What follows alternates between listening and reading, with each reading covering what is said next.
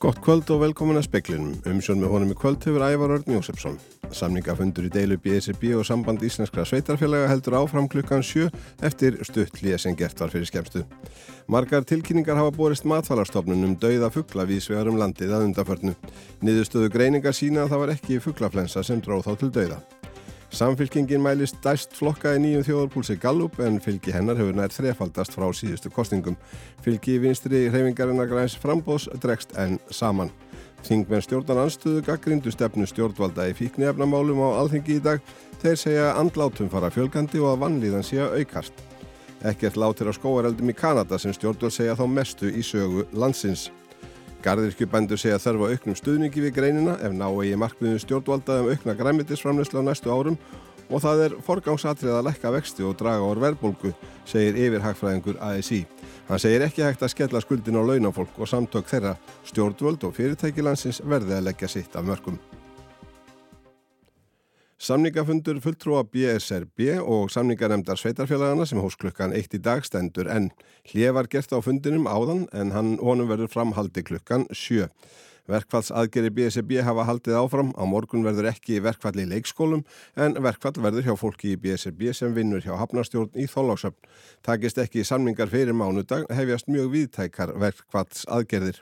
Þá leggja félagar í BSB sem starfa í leikskólum, bæjarskjöfstofum, sundlögum og íþróttamannverkjum í á þriðja tug sveitarfélaga niður störf ímist tímabundið eða ótímabundið. Þá eiga verkföll eftir að raska starfsemi almenningssamgangna, hafna og vinnuskóla í nokkurum sveitarfélögum. Samfylkingin mælist stærst í nýjum þjóðarpúlsi Gallup.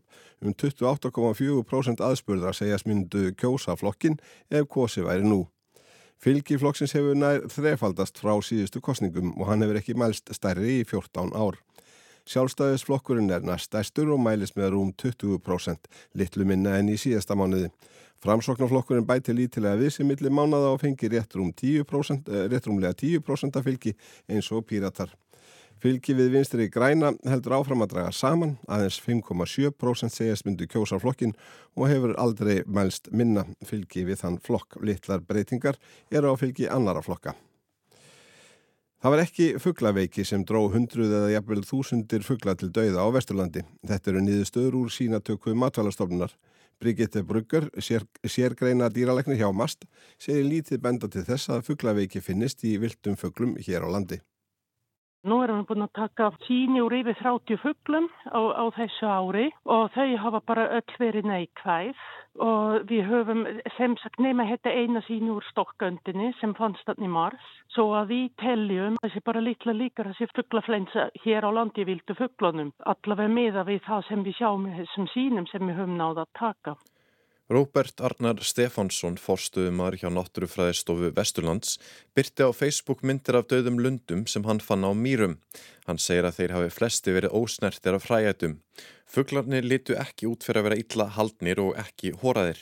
Það er ekki hlutverk matvala stopnunar að rannsaka döða vildra fuggla, nema grunur séum að fugglaveiki hafi dreyið þá til döða og hún geti haft áhrif á alifugglabú. Enguða síður vil Brigitt minna alifugglabændur á að gæta smitvarna. Við getum aldrei verið vissum að það sé ekkert smít til staðar og þess vegna er nöysinlegt svona miða við hver staðan var í vildufuglunum í Evrópu í vetur mm. og það sé bara áfram rétt að alle fuglabændur gæti bara varúðar og bara tryggja góða smítvarni við umgengi á sínum fuglum. Sæði Brigitte Bruggar, Ísak Regal talaði við hana. Þingmenn stjórnaranstöðuna segja stefnu stjórnvaldaði fíknefnamálum ekki virka og nöðsynlegt sé að afglæpa væða neysluskamta til að koma í vekk fyrir ótíma bærdöðsföll. Þetta kom fram í umræðuðum málið og alþingi í dag. Heilbriðis ráð þeirra segir að verulegur árangur hafi náðst á undanförnum árum meðal annars með tilkomu neysluríma og aukinar þjónustu fyrir fólk í neyslu. Sjálfur til hann mikilvægt að ebla forvarnir og meðferðarúræði. Þetta er gríðarlega mikilvægt mál, miklu mikilvægra heldur en við gerum grein fyrir. Vegna þess að þróunin er þannig að skaðin er að verða meiri, skaðin er að aukast, andlátum er að fjölga, vannlíðan fólks er að aukast og við verðum að grýpa inn í og stefnan sem við keirum áfram í dag, hún er ekki að virka. Það hefur náðst árangur út frá þessu sem við köllum afglapa veðingu. Það var til að mynda stíði stórt skref í átt að skaðamingun í íslenski löggjöf hér á 150. löggjafarþingi þegar við samþýttum hér breytingar varðandi nýslurími. Sæði Viljum Þór Þórsson helbriðis ráþæra en áður heyrðu við í Haldur og Móunsen þingmann í Pírata. Hörskuldur Kári Skram tók saman. Ekkert látir á skóareldum í Kanada og stjórnvöld segja umfang þeirra fordama löst í sögu landsins. Fylkistjórun í Nova Scotia segist þykja alla þá hjálp sem í bóði sé enda útkverfi fylkis höfuborgarinnar í hættu. Skóareldar í suðaustanverðu Kanada hafa neitt nokkur þúsund til að yfirgefa heimili sín. Um 18.000 manns á Nova Scotia hefur verið fyrirskipað að koma sér í stjól. Slökkvistarf er afar erfitt vegna þurka, mikils lofthitta og hvasviðris. Óttast er að eldarnir eigi en eftir að þærast í aukana og jáfnvel talið að útkverfi fylgis höfuborgarinnar Halifax séu í hættu. David Meldrum, aðstóðar slökkviliðstjóri í Halifax, segir útlitið heldur svart en það sé útitt fyrir áframverði þurfiðri og að hitast íð muni hækka. This weather is increasing in severity. Uh, it's going to continue to be dry. It's going to get a, even warmer. Uh, so uh, the prognosis is difficult. Stjórnvöldi segja umfangið fordæmalust en þrátt fyrir umfangsmiklar aðgerðir í fjóra daga er ekkert láta á eldunum. Justin Trudeau fórsættis ráð þeirra heitir öllum þeim stuðningi sem þurfi auk þess sem liðsynins er að vænta frá bandaríkjónum. Slökkvilið frá Ontario hefur aðstóðað við slökkvistarfið og þyrlur frá nálægum fylgjum hafa verið notaðar. Þrýra af þeim 14 skóareldum sem geisa eru nánast óviðráðanlegir. Fylgistjórin Tim Houston segir neyðar ástand ríkja og því sé öll hjálp sannarlega vel þegin. Markus Þórhaldsson sæði frá. Háir vextir og verðbolga hafa töluverð áhrif þó það sjáist ekki á tölum yfir bílasölu í mæmánuði, segir Marja Jóna Magnúsdóttir, framkvæmdastjóri bílgreina sambandsins. Sala nýra bíla raug upp í mæ miða við sama mánuði fyrra og jógstum næri 15%. Mestu munar þar um sölu rafbíla. Það er tölver aukning sérstaklega til einstaklinga og Þessi helsta ástæðan fyrir því er að í mægi fyrra var, var minna frambótt af rafbílum en það er stór hluti af, af seldum aukvöntækjum í mægi til einstaklinga á neitli ára og það voru í fyrra til einstaklinga um 278 aukvöntæki en í mægi í ára er það um 500 Rafbílar eru langvinsalastir samtalsnæri 40% af seldum bílum en samanlagt er hlutfall nýra Ramax, Twin og Tengil Twin bíla 75% af seldum bílum til einstaklinga. Toyotur eru vinsalastar en Teslur í öðru sæti. Tesla afhendir oft meira í einu en aðrir framleiðendur sem getur skekt myndina. Tesla er orðin stór á einstaklingsmarkaði og þegar þeir eru að afhenda í svona kommersiálslumpum að þá hefur það bara áhrif á markaðin. Þannig að það er út bort að horfa kannski á lengra tímabill til að sjá munin. Bílalegur eru jafnan stórtakar á þessum tíma árs en sala til einstaklinga vekur aðtegli, sérstaklega við þar aðstæður sem nú eru, mikil verðbólka og háir vextir. Ef við tökum allt árið að þá er aukningirunin til einstaklingum 3,6%. En það er ekki verið sjáanlegt allavega núna með við tölunar í mæ að herri vextir og svona lántökugjöld séu að hafa mikil áhrif. Nei, kannski ekki akkur að þarna en við er það farið að býta í. Bílalán eru náttúrulega komin í tveggjastöðu tölu nánast. Þannig að það er farið að hafa áhrif á þá sem eru að fjármægna aukvöntæki með lánum. Sagði Marja Jóna Magnúsdóttir. Bjarni Pétur Jónsson talaði við hana. Nefnendur í tíundabekk Hagaskóla heldur í dag heimkomu hátíð fyrir samnefnendur sína í áttunda og níundabekk. Húsnaði skólans hefur verið tilbúið til notkunar næst, verður tilbúið til notkunar næsta haust en meiri hluta þess var lokað eftir að mikla fannst þar haustið 2021. Árgangarnir hafa því ekki stundan ámyndi sama þakki í tæp 2 ár heldur hafa yngri nefnendur skólans flakkað milli staða. Nefnendur sem voru að ljúka nýjundabekk kláruðu önnina í ármúla eftir mikið flakk síðustu misseri en á meðan hafa nefnendur áttnudabekkjar stundað sitt nám í korpuskóla í Gravarvogi. Tíundubekkingarnir hafa áttur á móti notað þann hlutaskólans í Vesturbænum sem þótti í lægi. Þeir halda á önnur mið í haust en blésu samt til hátíðar til þess að bjóða þau sem yngri eru velkomin heim.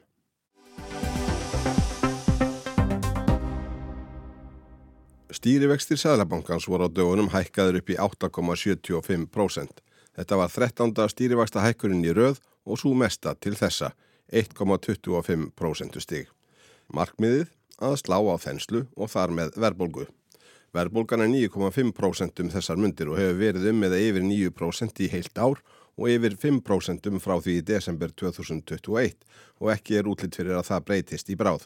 Í kynningu á þessari nýjustu vaksta ákverðun bankans sakaði Ásker Jónsson, sæðlabankastjóri, stjettar fyrir landsins um að sína ábyrðarleysi í sínum kjærasamningum og halda verðbolgu vita hringnum gangandi með sínum háu kaup kröfum.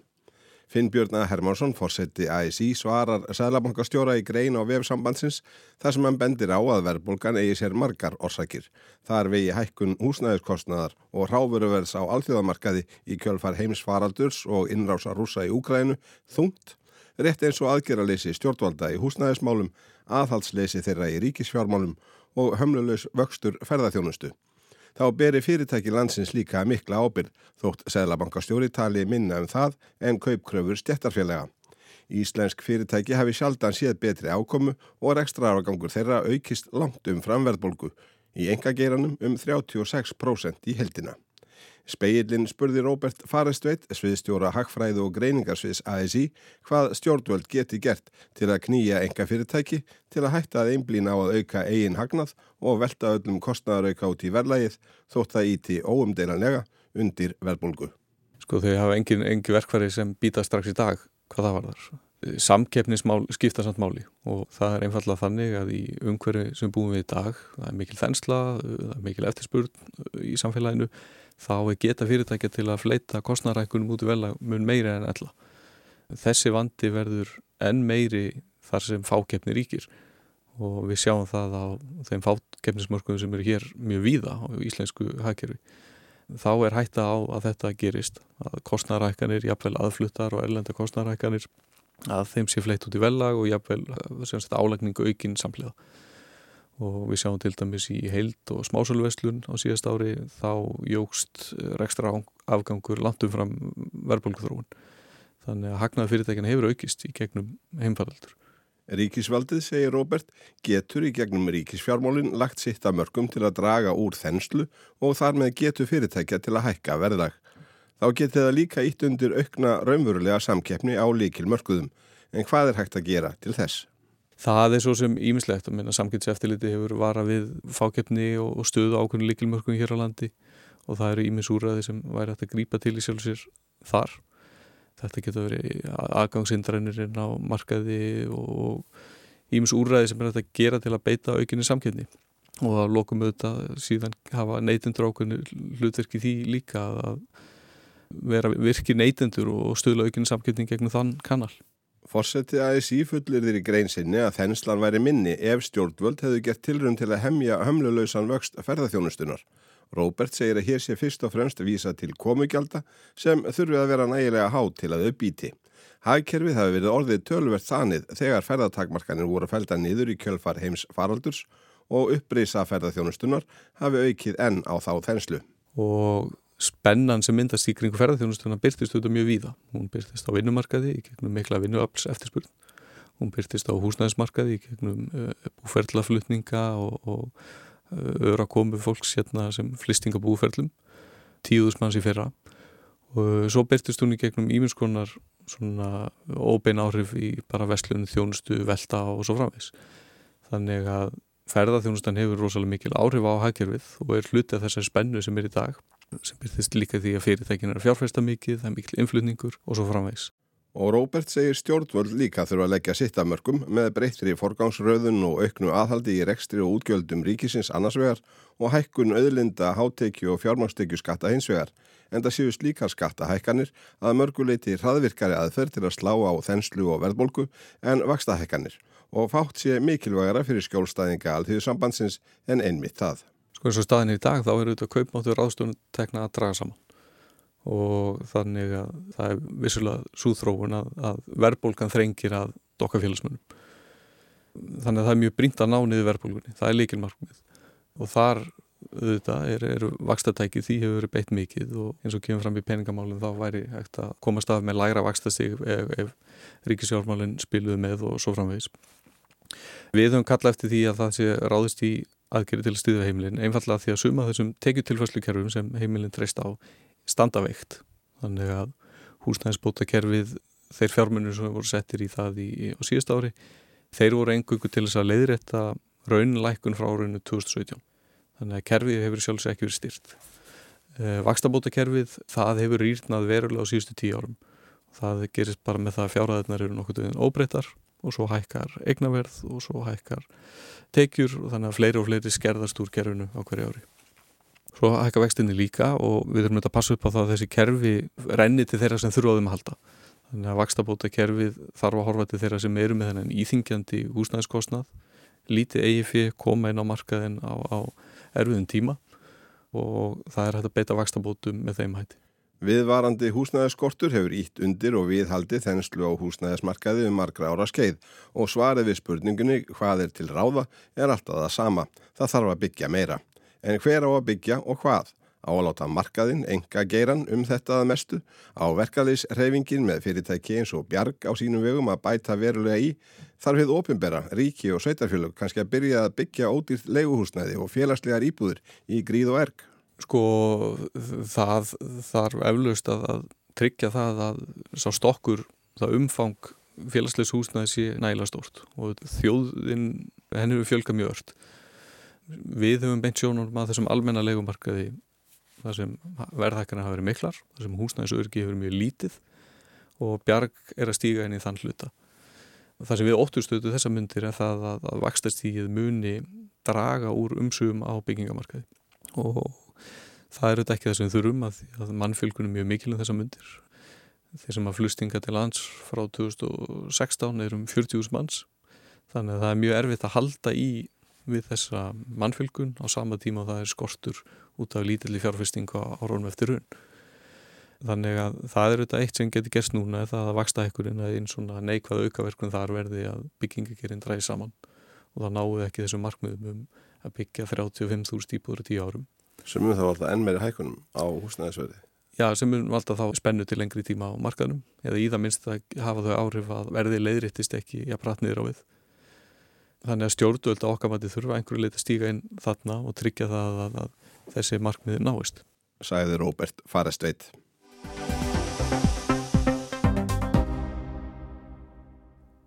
Garðirkjubændur segja þörf á auknum stuðningi við greinina ef ná eigi markmiðum stjórnvalda um aukna grænmetisframleyslu á næstu árum. Formaður bændasamtakana segir marga vonsveikna með búvöru samningsviðræður. Síðustu vikur hafa samninganendir ríkisins og bændasamtakana endurskóðað búvöru samning sem er rammasamningur um starfskilirði landbúnaðarins. Samningurinn tók gildi 2016 og gildir til 2026 en er endurskóðaður tvirsvar á því tímabili fyrst 2019 og svo í ár 2023. Framlögur ríkisjóðs til landbúnaðarins í ár nema 17,2 miljörðum króna. Gunnar Þorgirsson, formaður bændasamtaka Íslands, segir viðræðunar enn sem komið er ekki benda til þess að mikil breyting verði þar á. Og það er nú einu að verið endurspeglun á öllum samlingafundunum að það er ekki neini fjármunni til viðbótan inn í íslenska landbúnað eða inn í samlingana sem slíka. Við erum svona eiginlega bara svolítið hugsið hvern, hvernig við erum að nálgast þetta og þau markmið sem að setja eru fram í bæði í stjórnasáttmálunum og endur speglast núna í drögum af landbúnaðastefnu og matvalastefnu og e, svo ef maður les fjármála áallununa 2024 til 2028 þá er, þá er engin merki um það að það eigi að auka við eða að efla neitt í tengslu við þessi málefni sko. þannig að það er nú eiginlega það sem kemur okkur mest óvart. Gunnar segir gardirkjubændur vera meðal þeirra sem þurfi aukinn stuðning frá ríkinu, ekki síst vegna markmiða um aukna grænmetisrækt í landinu á næstu árum. Þess að segja sko þá standa ímisfallið orði stjórnarsáttmála þessar ríkistjórnar um að efla og gera ímislegt og þá sérstaklega kannski í gardirkjuhlutanum en það endur speglast ekki hvorki í fjármála átlunni niður í fjárlugunum á þessu ári við erum svona eiginlega eitt spurningamerki framann sko, hvernig á að ná þessum markmiðum ef að það er ekki einn viðbót inn í verkefni. Í aðgerða áallun stjórnvalda í loftslagsmálum sem kynnt var 2020 segir að framleiðsla grænmetis skildi aukinum 25% næstu þrjú árin þar á eftir. Þá var kynnt að 200 miljónir króna til viðbótar myndur enna til niðurgreðslu á raforku til gardirkjubænda á ári en svo upphæð er först tala og því mingar niðurgreðsla til hvers búnda eftir því sem búgreinin stækkar og orkuþörf hennar eikst gangvart gardirkjunu þá hefur við verið að horfa til þess sko hvernig eflu við framlegslu og ef að það er bara bundi fjármagn í niðurgreyslu og flutningir á orku í krónutölum og við ætlum að bæta við 5 eða 10.000 fermetrum að þá finnist bara sko bengriðslöndar á alla hýna. Þannig að þetta er svolítið erfitt ef þú ætlar að gera fjárhagsáttun til 5-10 ára og reikna með því að fá 95% eh, sko niðugreifslu og flutning hér á orku því að þetta er gríðarlegi fjármunir allavega fyrir hvernig veit og ef þú fær svo ekki nema 60% sko, og hvernig ætlar þú þá að standa skil á í raun og veru rekstra áallunni ef, ef að þú nærði ekki 95% tónum að því að fjármunir eru bundin í fjárlögum hverju sinni og menn þurfa svolítið að geta í eðunar hvort að verður aukningi eða mingun í framlýslinni en auðvitað viljum við auka framlýsluna og það þarf einhvern veginn að verða hvað í kerfinu til þess að það gerist. Það að aukinn framleiðsla komi niður á beingreðslum segir hann því miður vera fyrirkomulag sem gardirkjubændur þekkja orðið vel. Svipað var upp á teiningnum þegar ákveðið var að styrkja framleiðslu á ylræktuðu grænmeti árið 2012. Að þá var samið um það að leggja 260 miljónir í beingreðslur á tómutum, gúrkum og papriku. Þessi krónutala hefur haldist óbreytt alveg til dagsins í dag og ef að menn alltaf auka við í tómutum eða papriku að þá minka bara framlægi til hinna sem eru í framleiðslu í dag. En verðbólga og síhækkandi stýrivextir, hvaða áhrif hefur þetta á bændur sem segja fjárhagslegan hvata til þess að stunda búskap hér á landi þegar vera ansi lítinn? Það er bara mjög erfitt. Við vorum að taka saman að bara við 100 púnta hækkun Sælanbákans sem var reynda fónu í 125 en bara 100 púnta hækkun á stýravöxtum fyrir landbúnaðin í hilsinni erum á bylnu 700 til 900 miljónur áskurunni, bara þessi breyting sko. þannig að þetta er gríðarlega mikið högg og ég bara veldi fyrir mig hvernig við nálgumst þetta sko í svona verbulgu markmiða tilliti sko ef við ætlum að hækka álugur á framleyslu greinar í vöxtum það endar hverki held ég einum í, í velagi á vörm sko það er ekki, ekki í digra vasa að sækja hjá bændum En hvert er viðbræð bændasamtakana á tímum sem þessum? Verður reynda að krefjast aukins fjárstuðnings í endurskoðun búverusamningana, líkt og verkalýðurinn hefur sótt launahækkanir eða bætt kjör í viðræðum við ríki og sveitarfélög. Formaður samtakana segir skýra línu yfirvalda að ekki komi auknir fjármunir inn í samningin. Eina svigrúmið sem mögulega gæfist væri að færa til fjármunni á milli liða. Það er ekkert viðbóta fjármagn í búverusamningan í hilsinni, þannig að hvort svo sem að það er gardirkja eða eða önnu verkefni sko þannig að þetta, þetta verður, ég veit ekki alveg hvernig við nálgast þessa umræðu við endur skoðunna en það er kannski orðið tíma bara að fara að huga því hvernig á nýr samningur að hljóða sem á að taka við þessum 2026. Já, það er kannski ekki alveg að færi bænda að beita verkvöldum með eitthvað slíku? Nei, það er ekki einfalt sko. Verður, við erum væntalega ásakaður en dýra nýð og matasón ef við færum í það. Sæði Gunnar Þorgirsson. Ólaf Rún Erlendstóttir tók saman.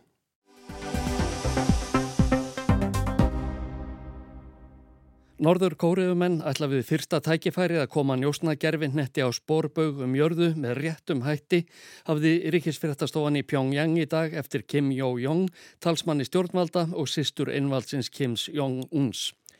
Fyrsta tilraun þeirra mistóst í gær. Eldflög sem átti að koma hnettinum á réttabraut sprakk skömmu eftir að henni var skotið á loft. Það hefur lengi verið ætlun ráðamanna í Norður Kóriu að koma sér upp njósnanetti til að geta fylst með hernaður um svifum þjóða sem þeir líta á sem óvinni sína, sérilagi bandaríkjamanna og söður Kóriumanna. Þeir og Japanar og fleiri ráða að sjálfsóðu yfir slíkum búnaði sem sveimar yfir ríkjum í Suðaustur Asju þar á meðal Norður Kóriu. Njósnarnöttur var á óskalista Kims Jong-uns eh, yfir búnað sem hann stemdi á að koma höndum yfir á þessu ári á samt háþróuðum kjarnorkuvapnum, langdrægum eldflögum og kjarnorkuknúnum kavbótum svo að nokkuð sé nefnt. Stjórnvaldi Söður Kóriðu, Japan og Bandaríkjónum fordæmdu þegar í stað tilraun Norður Kóriðumanna til að koma njósnarnettinum á loft. Íð sama gerði Antonio Guterres, aðalframkvamdastjóri saminuðu þjóðana í yfirlýsingu sem Stefan Dusjarik, talsmaður samtakana, las upp á fundi með frettamönnum í New York. Það breyti í bága við álíktanir öryggisráðs saminuðu þjóðana að norður kóriðum en skitu eldflögum á loft. The Secretary General reiterates his call on the DPRK to cease such acts and to swiftly resume dialogue to achieve the goal of sustainable peace and the complete and verifiable denuclearization of the Korean Peninsula. Aðal framkvæmdastjórin ítrekkar tilmæli sín til norður kóriðumenna að hætta slíkum aðgerðum og taka að nýju og sem fyrst þátt í viðræðum um varanlega frið á kóriðuskaga og að þar verði kjarnorkuvopnum útrýmt, sagði Dúsja Rikk. Hernaðar yfirvöldi Suður Kóri og Japan fylgdust með atbyrðunum Í Seúl, eh, höfuðborg Suður Kóriu, urðu íbúarnir eh, felmtir í slegnir þegar viðvörunar flautur voru þeittar snemma í gerðmorgun að staðartíma í þann mund sem eldflögin brotlendi. Rötti hátölurum skipaði þeim að leta skjóls og snjálfsímar suðuðu á nottborðum þar sem eigundurnir voru varaðir við yfirvofandi hættu.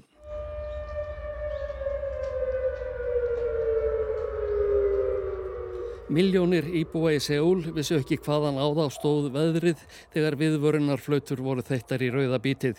Slikt hafði ekki gerst árum saman og fæstir íbúana hafðu raunar hefti í þeim áður. Frettamaður Breskar Ríkisútvarpsins, BBC, hefur eftir 33 ára móður í borginni að henni hafi brúðið mjög. Hún byrjaði þegar í stað að pakka niður í töskur og búa sig undir að flýja. Ég bjóst svo sem ekki við að stríð væri bróstið á en eftir að rússar reyðust á ókræðinumenn datt mér í hugað kynverjar eða norður kóriðumenn kynnu að ráðast á okkur, sagði konan.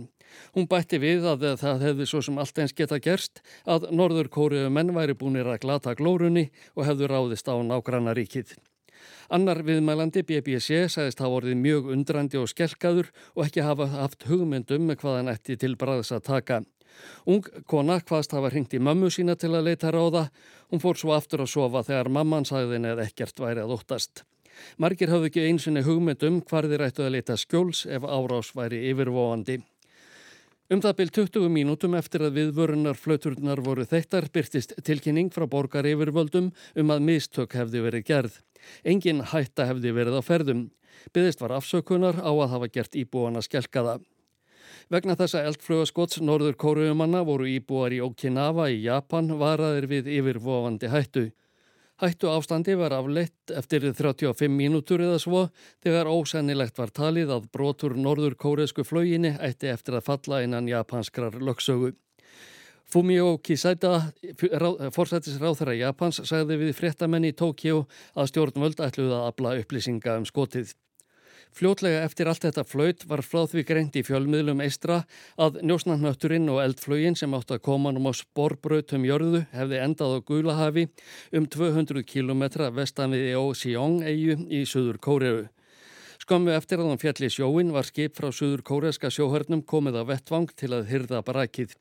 Að sögn fréttastofunar Jón Happ er ætluninn að rannsaka það til að komast að raunum hver langt norður kóriðumenn eru komnir í þróunarvinnunni. Lý Jóngsúp, eh, varnarmálar á þeirra, greindi þingjunu í Seúl frá því í dag að brakið lægi á 75 metra dýpi á Gulahafi. Áallad var að hans sögn að sjóherrin þyrti tvo daga til viðbótar til að náð við upp.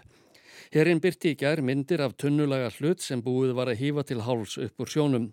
Hann sögt til bots á ný áður en uh, tókstað komunum um borði skip. Líkvað engan vafaleika á að gerfinnöttur væri hluti af brækinu og að langdræg eldflög hefði verið notuð til að komanum á sporbraut. Það var Áskilt Tómasson sem sæði frá. Það var helst í speklinum í dag að, samningafundi í deilu BSRB og sambandsíslenska sveitarfélaga verður haldið áfram klukkan 7 eftir stuttlið. Niðurstöðu greiningar marst sína að það var ekki fugglaflensa sem orsakaði fjölda dauða fuggla á dögunum. Samfylkingin mælis stærst flokka í nýjum þjóðarpúsi Gallup og að þingmenn stjórnan aðstöðunar gaggrindu stefnu stjórnvalda í fíknefnamálum á alþingi í dag. Ekkert lát er á óurlegum skóareldum í Kanada og íslenskir garðirkjubændur sé að þörfa á auknum stuðningi við greinina ef ná eigi markmiðinu stjórnvalda um aukna grænmeitis framleysla á næstu árum. Aukin kostnaðu bænda verði annars ekki sóttur annað en í vasa neytenda og það er forgangsatrið að lækka vexti og draga úr verbolgu, segir yfirhagfræðingur ASI. Ekki sé hægt að skella skuldin á launafólk og samtök þeirra, stjórnvöld og fyrirtæki landsins verði að leggja sitt af mörgum. Veðurhorfur næsta sólaringin, vestan og suðvestan 5-13 metrar á sekundi kvöld og nótt en 10-15 á nordvestanverðurlandinu. Skíð og súld eða dáli til regninga en bjart með köplum og lengst af þurft á austurhelmiki landsins. Lítisáttar væta á morgun, hiti 8-20 stig. Tæknimaður var Mark Eldredd, Anna-Lísa Hermannsdóttir stjórnaði frétta átsendingu, veriði sæl.